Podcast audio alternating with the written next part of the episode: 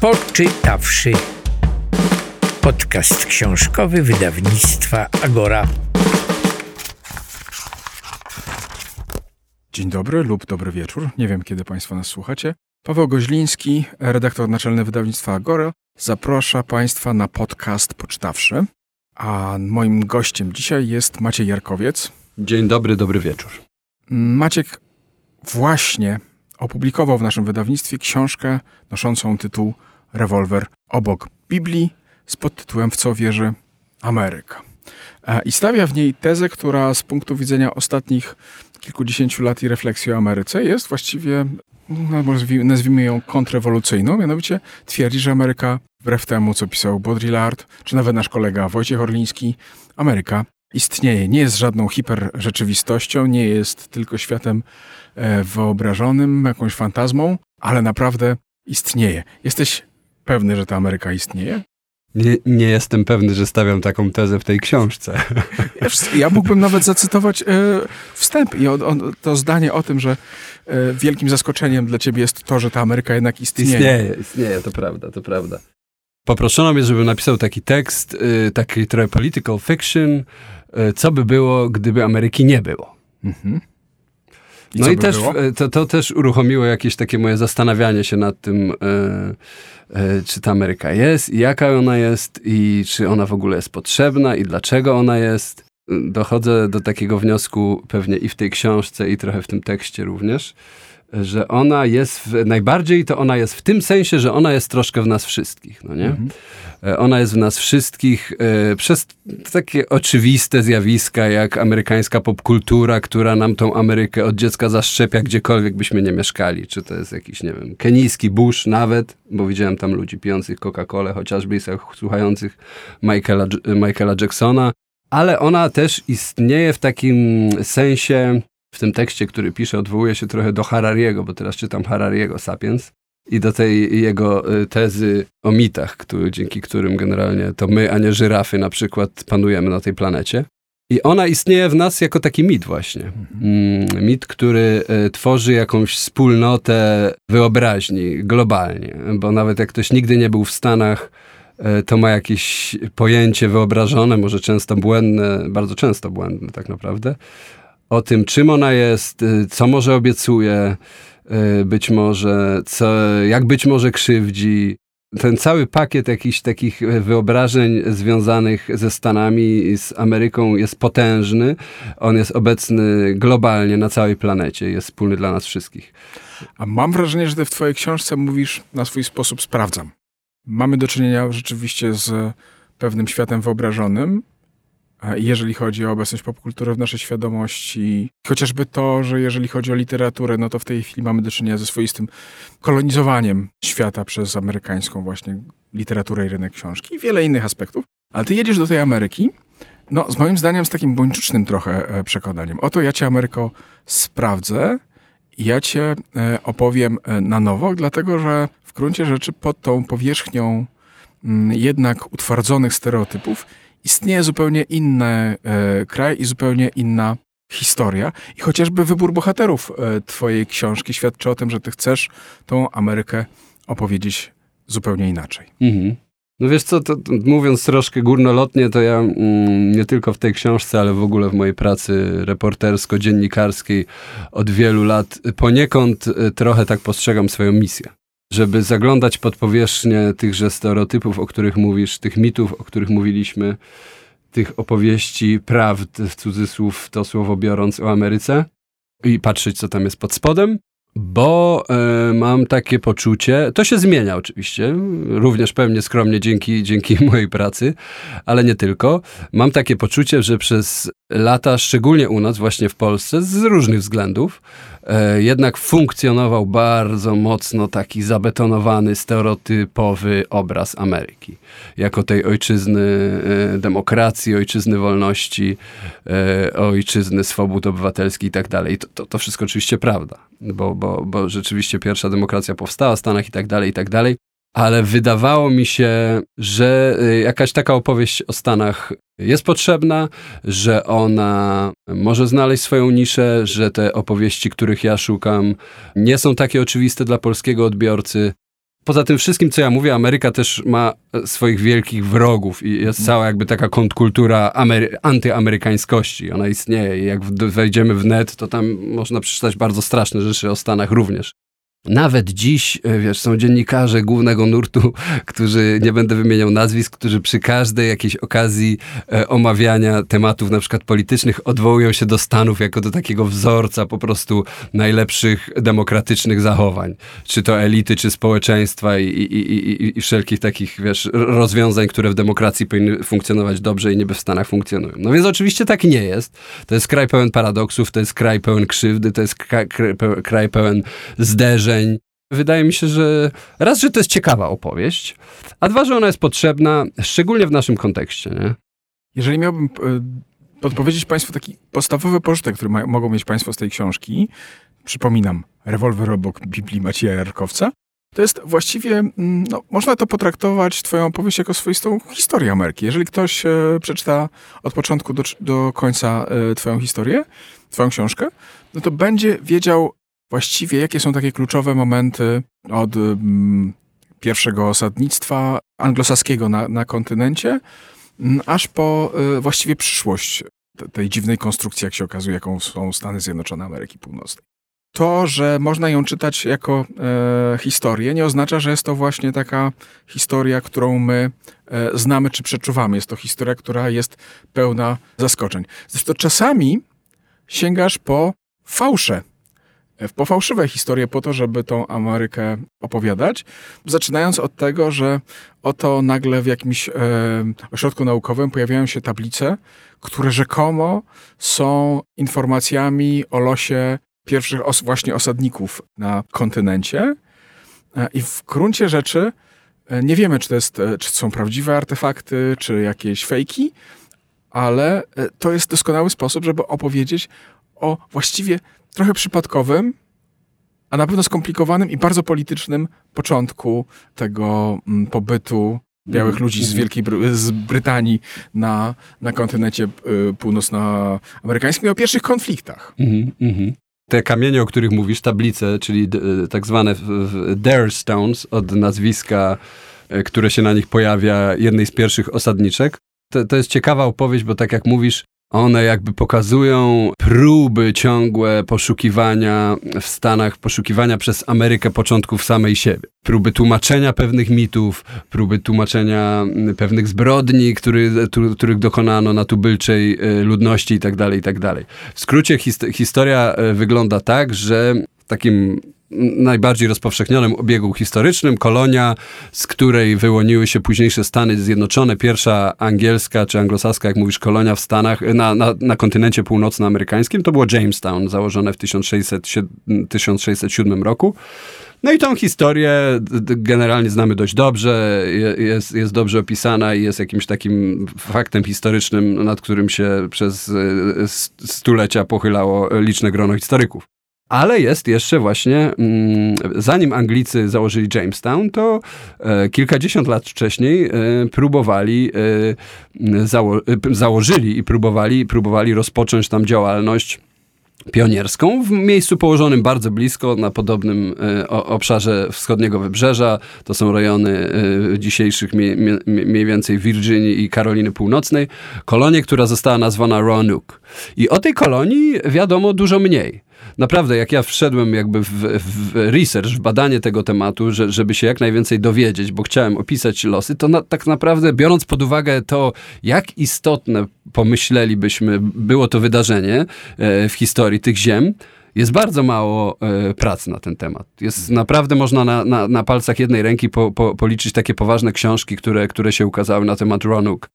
Te kamienie, o których mówisz, one przez dekady były taką nadzieją e, Amerykanów na to, że oni do, dotrą do, do samego jakby źródła, do samego ziarna tych pierwszych, bo, bo, bo na kamieniach miała być wyryta informacja o tym, co się stało z tymi osadnikami, bo e, kolonia Roanoke, tego nie powiedziałem, jest tak słabo opisana i jest jakby takim trochę zapomnianym wątkiem amerykańskiej historii, z tego względu, że ona zniknęła. E, ludzie, którzy ją zakładali, ludzie, którzy tam mieszkali, którzy e, przebrnęli przez Atlantyk e, z Anglii, żeby się tam dostać. Nie wiadomo dlaczego, to też jest ciekawe, bo ciekawym wątkiem jest to, że to mm, musieli być w miarę zamożni ludzie, bo finansowali sami sobie, sobie tą wyprawę, więc musieli w miarę wygodne życie prowadzić w Londynie i nagle zdecydowali się je opuścić, przebrnąć Atlantyk, szkorbut, piraci, kaperstwo i tak dalej i osiąść gdzieś po prostu na nieznanej nikomu wyspie. Więc jak już tam dotarli, jak założyli rzeczywiście jak osa jakąś osadę i po pobyli tam trochę, miesiące czy, czy, czy kilka lat, to nagle się rozpłynęli. Tak jak mówisz, kamienie ponoć znaleziono, ponoć miały być, yy, miały, miały wyjaśniać tą zagadkę, ale okazały się fałszerstwem po latach. I to jest fajne chyba. To, to, mi się wydaje, że to jest ciekawe, że, że, że, że jakby jeśli chodzi o tą Amerykę zwaną już potem Stanami Zjednoczonymi, czyli, czyli to państwo, które powstało na tych ziemiach, to tak naprawdę y, te początki są takie niejasne. Mhm. Nie dość, że niejasne, to właściwie no można powiedzieć, że y, to wszystko zaczyna się od jakiejś gruntownej porażki. I mhm. od razu wejścia w bardzo ostry konflikt, o którym y, no, długo Stany chciały nie myśleć jako o czymś, czego powinny się wstydzić, to znaczy oczywiście o eksterminacji ludności tubylczej, o czym zresztą no, po części też opowiada poprzednia, pierwsza twoja e, książka, Powrócę jako piorun, też Państwu serdecznie polecam. No ale rzecz w tym, że ty właśnie szukasz takich miejsc, w których można dotknąć tej historii w takich bolesnych miejscach. Czasami są to, jest, jest to przeszłość. No, na przykład odnajdujesz w gruncie rzeczy kogoś, kogo moglibyśmy go uznać za jednego y, z ojców amerykańskiej niepodległości. Mhm. Opowiedz trochę o Attikusie? To jest rzeczywiście fascynująca e, postać, na którą e, trafiłem poszukując tematów do dodatku historycznego Gazety Wyborczej, z którym współpracuję. Mm, I potem oczywiście w, w, napisałem tekst o nim, ale w książce, w książce jakby ro, rozwinąłem tą opowieść. Um, a, w ogóle to zwrócił mi uwagę na tą postać y, Spike Lee przy okazji, przy okazji y, wczytywania w siebie w jakieś tam rzeczy związane ze Spike'iem Lee, jakiś nowy jego film, recenzję, coś, tu jakiś wywiad i rzucił gdzieś między wierszami jakieś takie hasło pierwszy męczennik amerykańskiej rewolucji był czarny. Ja mówię, wiesz, no, what the, what the... Nie, nie znam gościa, nie znam historii, co on opowiada. No, więc szedłem właśnie w, w takim tropem w ten temat i rzeczywiście jest taka postać. Człowiek y, pół krwi y, czarnej, pół tubylczej, syn Indianki i syn niewolnika afrykańskiego. Postać, która e, odegrała dość istotną rolę w jakby takiej brzydkiego słowa używając, propagandzie, która była potrzebna białym, zamożnym ludziom w Bostonie do tego, żeby zrobić rewoltę, bo tak naprawdę, jak się dowiedzieliśmy, głównie dzięki e, Howardowi Zinowi, e, dzięki jego rewolucyjnej książce o, o, o, o historii Stanów Zjednoczonych, e, ludowa historia Stanów Zjednoczonych, tak naprawdę rewolucję amerykańską zrobili ludzie zamożni, którzy generalnie nie chcieli, żeby Londyn ściągał z nich za dużo kasy. No ale oni potrzebowali ludu też do tego, że, żeby to móc przeprowadzić, jak każda rewolucja i, i mieli taką swoją machinę propagandową, wykorzystywali różne rozruchy, y, które wtedy w Bostonie i nie tylko były na porządku dziennym, bo ludzie byli biedni, ludzie byli sfrustrowani, generalnie było zimno, nie było roboty. Angielscy y, żołnierze zabierali ludziom y, pracę w portach, bo dorabiali sobie do żołdu za pół darmo i tak dalej, i tak dalej. Więc jakby mm, ten gniew był, jeden z takich niepokojów, których wtedy było mnóstwo w Bostonie, mm, zakończył się strzelaniną padły ofiary ludności, wśród ludności cywilnej. Angielscy żołnierze po prostu zabili na ulicy e, kilka osób. Pierwsza osoba, która jakby prowadziła wtedy ten, ten, ten bunt taki, to był mm, właśnie marynarz, e, powroźnik, e, harpunnik i uciekinier. i uciekinier, dokładnie, bo Crispus Atux był też, tak jak jego ojciec, niewolnikiem, ale uciekł z plantacji i co było wtedy dość powszechne,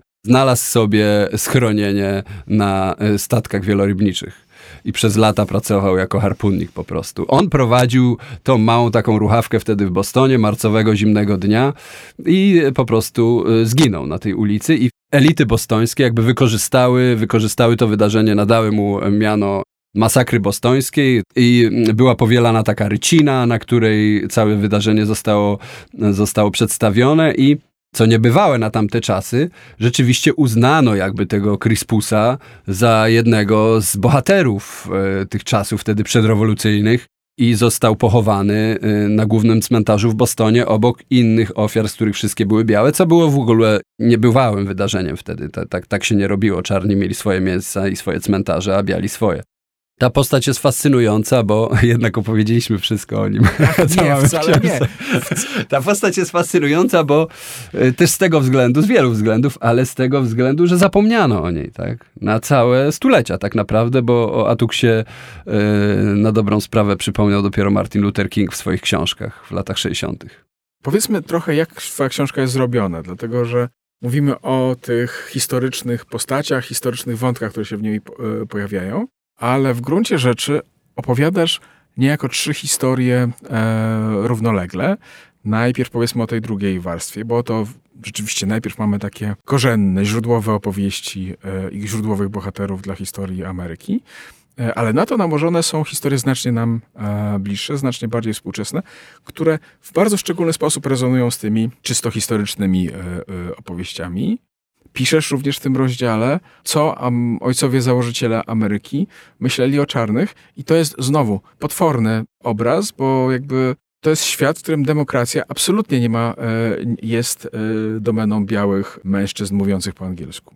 Ja może się odniosę do tego przede wszystkim, co, o, o co zapytałeś na początku, czyli o, o tą konstrukcję, bo rzeczywiście nie chciałbym tutaj kolejnej historii sprzedawać Emeta Tilla, która jest wpleciona w ten, mhm. w ten, w ten rozdział.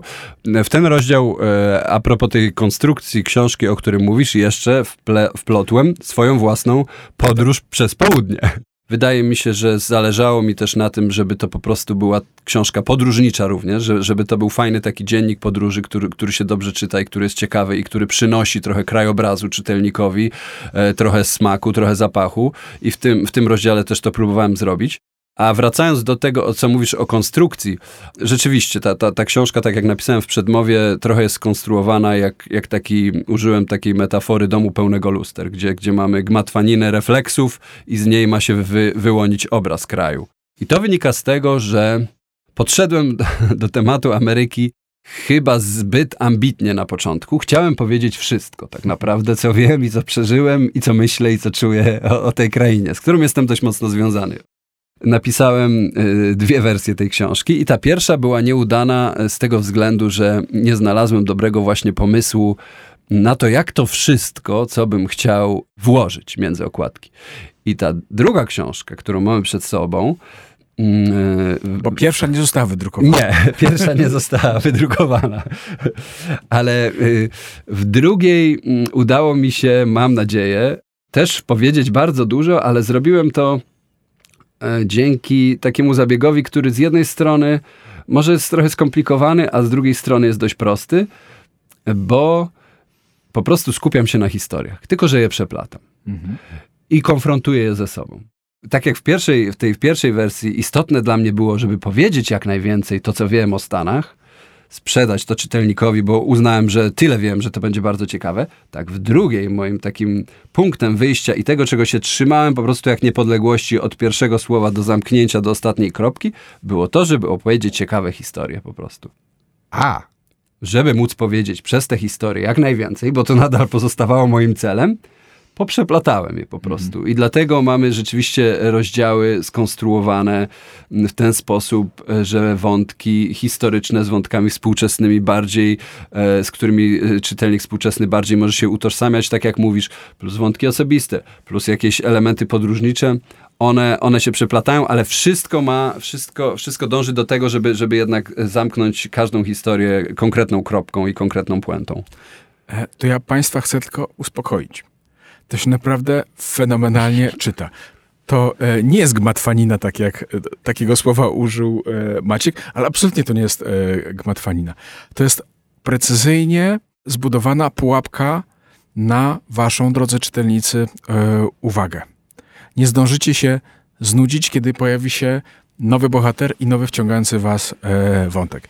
Kiedy będziecie już bardzo zdeterminowani, by dowiedzieć się, co będzie dalej, to będziecie musieli przeczytać kawałek kolejnej, innej historii, tej, na którą czekacie już, bo już została rozpoczęta wcześniej. To jest naprawdę świetny materiał filmowy. Taki, wiecie, lubicie Altmana. Ja kocham Altmana. To jest Jarkowiec Altman e, w wersji e, książkowej.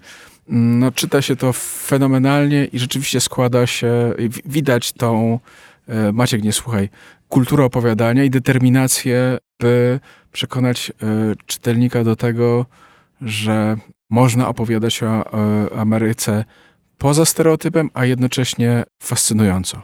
Tam jest, no, myślę, że z 10 tematów filmowych, no co najmniej połowa, no to byłaby na takie fantastyczne y, filmy z gatunku moje, jednego z moich kochanych amerykańskich, właśnie poza stereotypowych filmów, czyli Mississippi w ogniu. Znaczy, mm -hmm, to są tego mm -hmm, rodzaju, mm -hmm, tego mhm, formatu mhm. opowieści, tego rodzaju, tego formatu y, bohaterowie. A nawet, co jest bardzo ciekawe, Maciek czasami wchodzi z taką hollywoodzką, nazwijmy to produkcją czy narracją, w swoisty y, dialog. Tak jest y, na przykład, jeżeli chodzi o e, słynny film Eastwooda Sniper. Mhm. No, oczywiście my pamiętamy tą e, narrację, która z jednej strony jest e, straszna, ale no, fantastyczna, e, fantastycznie opowiedziana e, historia Kayla i ty dopowiadasz do niej drugą stronę. Historia bohatera tego filmu spuentowała się w trakcie produkcji. Mhm, mhm. E, Cale, e, słynny amerykański snajper, został zabity E, tuż przed końcem e, zdjęć i jakby ten, ta puenta tej historii została dokręcona. Nie możemy tyle mówić. Paweł. A my tylko powiemy, że okay. opowiadasz historię. Jasne. Dobrze, nie powiemy. Nie, nie, coś powiemy, coś tak, powiemy. więc więc y, Maciek opowiada historię mordercy która fantastycznie rezonuje e, z historią, bo przez jakiś czas, przynajmniej na początku, dajemy się złapać w taką pułapkę, że wydaje nam się, że to jest właśnie mm. e, historia główna, że ojej, przecież to jest ta sama historia. Nie, to nie jest ta sama historia, to jest fascynująca historia, która toczy się e, zupełnie obok. Fajnie, że, e, że mówisz o filmach właśnie, bo e, ja w ogóle przez jakiś czas łączyłem pisanie z próbami takimi filmowymi, powiedzmy to. Robiłem kino niezależne, dobrze skonstruowana historia, z tego słynie dobre hollywoodzkie kino. Sniper nie jest dobrym filmem, ale kilka innych jest. I, i, i tu wymieniłeś Parkera, czy wymieniłeś Mississippi w ogniu. Dobrze e, skonstruowana e, historia, mimo że uwielbiam również kino europejskie, to jednak nic do mnie tak nie przemawia, jak dobrze skonstruowana hollywoodzka historia. Hollywoodzka to jest oczywiście skrót, bo kino, kino nie, niezależne kino amerykańskie, mimo że jest niezależne, tak naprawdę też świetnie konstruuje swoje historie, czyli generalnie kino amerykańskie. I zawsze staram się jednak e, konstruować te teksty tak, żeby one, nawet jak to jest jakaś publicystyka dotycząca polityki, żeby one były skonstruowane na zasadach takiego fajnego scenariusza, żeby ten czytelnik, żeby go wziąć za guzik i go trzymać. Nie? I y, no w tej książce wybitnie się tego trzymałem. Mhm. To e, widać, czuć. Ja bardzo to e, doceniam. Myślę, że Państwo też docenicie. Ale zapowiadaliśmy e, też opowieść o wątkach e, autobiograficznych w Twojej książce, bo to jest również mm, o Twoim głębokim przeżywaniu Ameryki związanej z, twoim własny, z Twoją własną historią, która wcale prosta nie jest. Ja nie poproszę Cię wcale o opowiedzenie szczegółowe tej historii. Mm. Chcę raczej się dowiedzieć, dlaczego uznałeś, że Ty i ta książka potrzebują tej historii.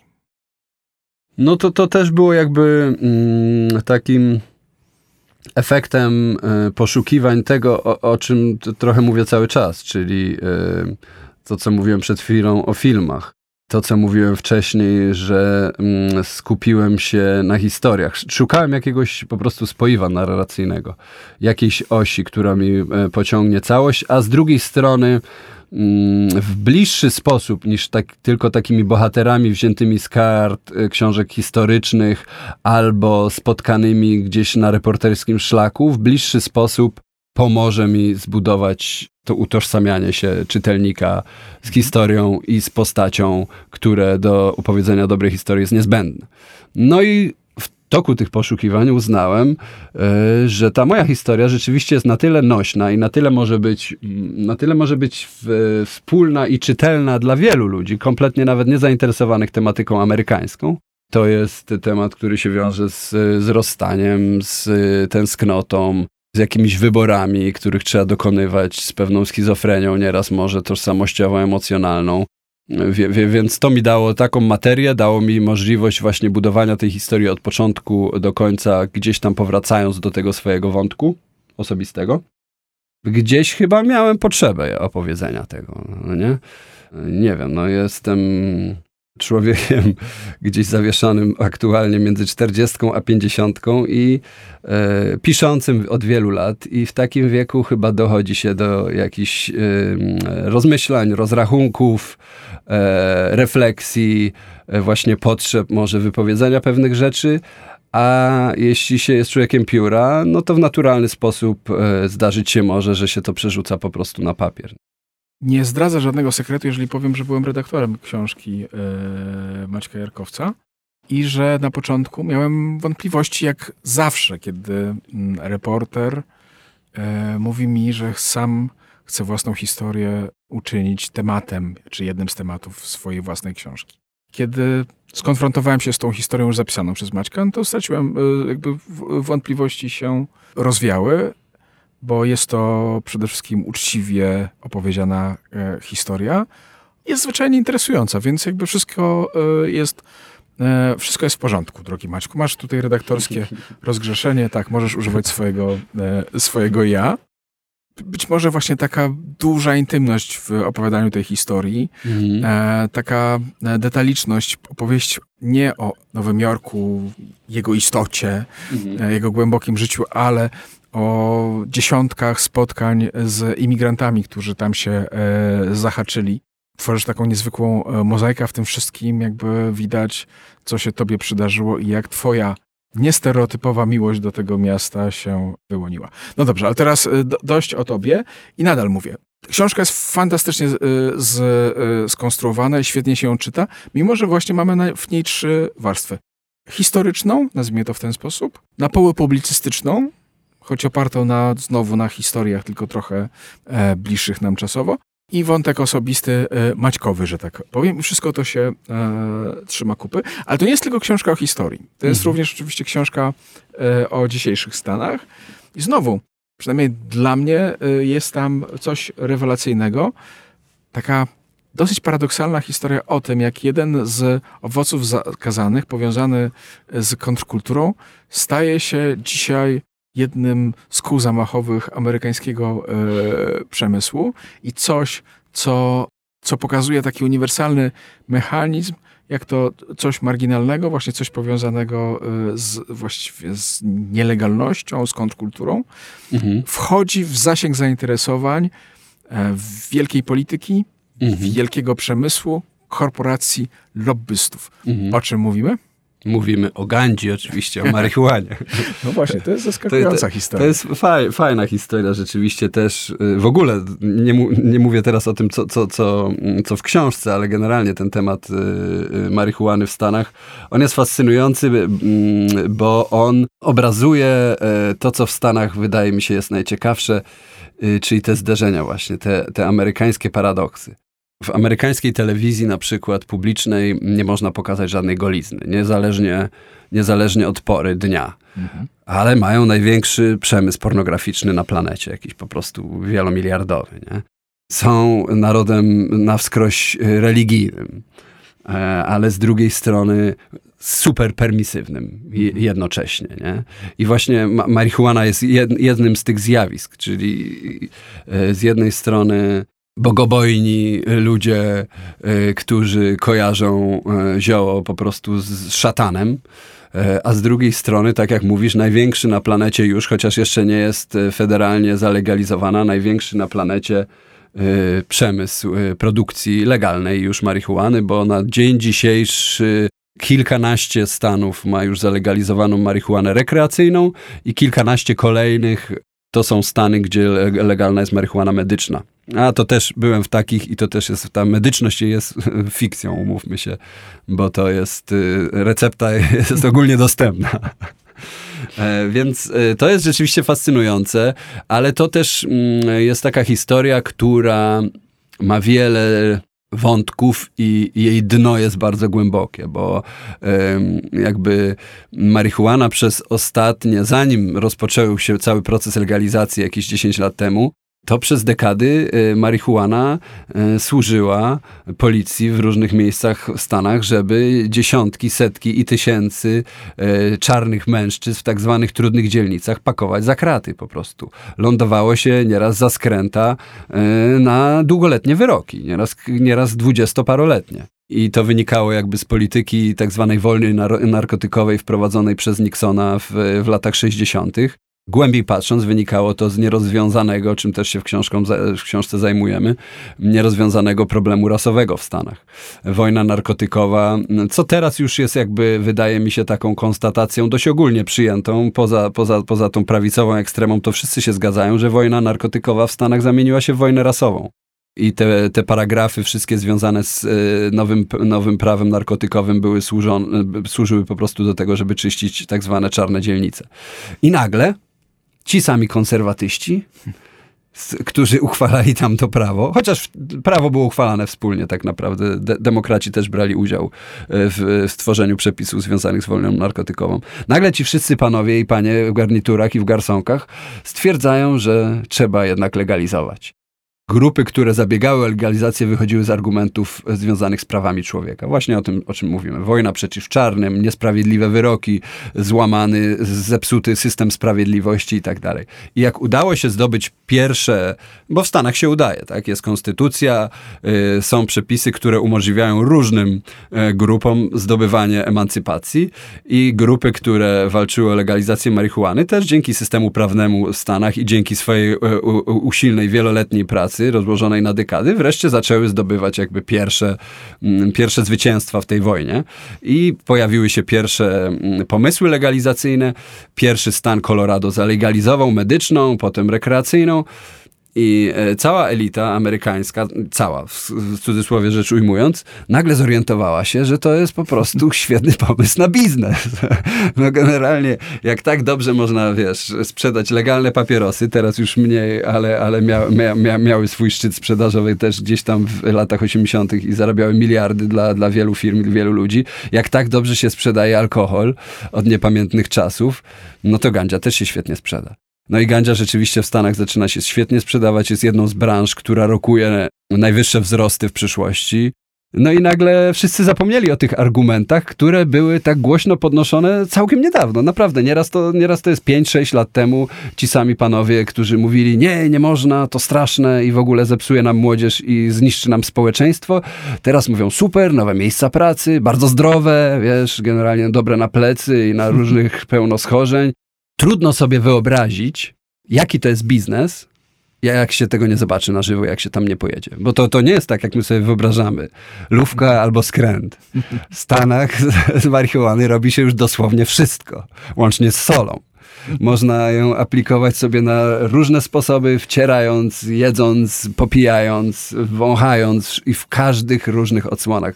Przeciętny sklep e, gandziowy w Stanach oferuje setki, jeśli nie tysiące różnych produktów porozstawianych na, na półkach. Mhm. E, więc tak, tym też się zajmujemy w książce. Proszę Państwa, my tak naprawdę dotknęliśmy dosłownie czubeczka tematyki i opowieści, które zostały zawarte przez Maćka Jarkowca w jego książce e, Rewolwer obok e, Biblii, w co wierzy Ameryka. Ale ja chciałem jeszcze Państwu powiedzieć, że wydawnictwo Agora opublikuje jeszcze kilka interesujących książek o Stanach, bo za chwilę ukazuje się też książka Huntera Bidena, syna prezydenta Stanów Zjednoczonych. E, same piękne rzeczy. Więc mamy szczere spojrzenie na życie pierwszej dziś rodziny Ameryki z punktu widzenia syna i to dosyć problematycznego syna. Więc to jest bardzo interesująca e, opowieść. Ma również polskie wątki, bo to Aleksander Kwaśniewski uczynił Huntera Bidena, no, wciągnął go w sprawy Ukrainy, które to sprawiły, że no to właśnie Hunter Biden stał się czarnym, czarną owcą amerykańskiej prawicy, bo to jego sprawa doprowadziła do pierwszej próby impeachmentu Donalda Trumpa. I jeszcze jedna książka, która też jest w jakiś sposób powiązana z tematami, które porusza w swojej książce Maciek. Chodzi mi o nierozwiązaną kwestię rasową, czyli książka Tina Hesse Coatesa Między światem e, a mną. Dziś to już jest klasyka amerykańskiej literatury faktu. Bardzo Państwu polecam te dwie książki, podobnie jak no oczywiście grubaśną, ale bardzo interesującą, raczej potwierdzającą e, amerykańskie mity niż obalającą autobiograficzną opowieść e, Baracka Obamy Ziemia obiecana. Jeszcze raz bardzo Ci dziękuję Maćku za Dzięki. e, książkę bardzo. i za rozmowę. Paweł Goźliński, dziękuję Państwu. Poczytawszy podcast książkowy wydawnictwa Agora. Podróż przez Amerykę jest ciągłym zdumieniem nad tym, że naprawdę istnieje. Miliony obrazów, dźwięków i wzruszeń, terabajty danych wczytanych do mózgu przez trwającą całe życie konsumpcję amerykańskiej kultury. Filmy Scorsese'ego albo Coenów, książki Bukowskiego. Dorsi doprawiani gandzią. Siódmy mecz finału NBA o świcie. Następna para Levi'sów znoszona do dziur na tyłku. Następna jadka w wiadomościach. Światła radiowozów, ciało leżące na asfalcie w poprzek żółtych pasów jezdni. To wszystko tam jest. Żywe. Niewymyślone, nienakręcone, nienagrane, nienapisane, niewytłoczone na płycie, niezamknięte w lunaparku, na kartach, za ekranem. Ryszard Kapuściński pisał w Imperium. Petersburg tak wiele razy pojawiał się w powieściach, w wierszach i w legendach, że wydaje się być miastem tyle rzeczywistym, co wymyślonym. Co w takim razie powiedzieć o Ameryce? Gdy jedziesz do Azji, Afryki albo Ameryki Południowej, wyjątkowość tamtejszych krajów polega na tym, że odkrywasz krajobrazy, ludzi i opowieści, jakich wcześniej nie znałeś. Folklor Stanów jest baśnią znaną na pamięć od dziecka, która nagle okazuje się prawdziwa. Pierwszy raz przejechałem Amerykę wszerz jako siedemnastolatek. Tamta wyprawa była spotkaniem z przestrzenią. Wcześniej znałem tylko jedno miasto, Baltimore, i fragmenty wschodniego wybrzeża. Wypad do Nowego Jorku, nad Atlantyk do Delaware, do Virginii w Appalachy. Wszędzie dość ciasno, świat zamknięty na wąskim pasie między łańcuchami niewysokich gór a linią oceanu. Między szklanymi ścianami drapaczy chmur, między ogródkami dzielnic domów szeregowych. Na zachodzie kraj się otwiera, jakby ktoś rozpostarł nad nim nowe niebo w kilka razy większym rozmiarze. Jakby Bóg ujął w dłonie linię horyzontu jak gryf sztangi i przełożył ją setki mil dalej. W następnych latach wiele razy przemierzałem imperium. Powroty na środkowy zachód, do Kalifornii, wyprawa na głębokie południe, podróże przez Teksas, Nową Anglię, Florydę. Odkrywałem kolejne warstwy amerykańskiej egzotyki. Doceniłem jej uporządkowanie, powtarzalność. Willowe przedmieścia, ich ulice krzyżujące się pod kątem prostym, wysadzane dębami, platanami, wiązami. Zawsze takie same. Miasteczka z barem, silosem, kościołem i wieżą ciśnień. Zawsze takie same. Podmiejskie kosmosy centrów handlowych z Walmartem, multiplexem, parkingiem. Zawsze takie same. Tanie jadłodajnie z rzędem stołków barowych wzdłuż cynowej lady, cienką kawą w kubku z grubej porcelany, zawsze takie same. Jeszcze tańsze bary ze stołem bilardowym, szafą grającą i baseballem w telewizorach, zawsze takie same. Pokochałem amerykańskie skamieliny. Stare mosty, stare bary, stare neony, stare schody, perony i pociągi metra w Nowym Jorku. Stare terminale lotnisk, stare wieże ciśnień, stare szlabany na przejazdach kolejowych, stare do zupełnej miękkości banknoty dolarowe, stare motele, stare magazyny na nabrzeżach Brooklynu, stare ceglane chodniki powybrzuszane korzeniami starych drzew w eleganckiej dzielnicy Capitol Hill w Waszyngtonie, stare autostrady pustego interioru. Amerykańskie zabytki w niczym nie przypominają pereł z wielowiekowych miast, takich jak Paryż, Dubrownik, Rzym. W Stanach rzuca na ciebie urok pradawna, zmurszała nowoczesność. Ustępuje miejsca tej dzisiejszej, ale powoli i niechętnie. Nadal wszędzie się rozpycha. Mile, uncje i skala Fahrenheita. Konstytucja, strach przed komunizmem i święte prawo odstrzelenia intruzowi głowy.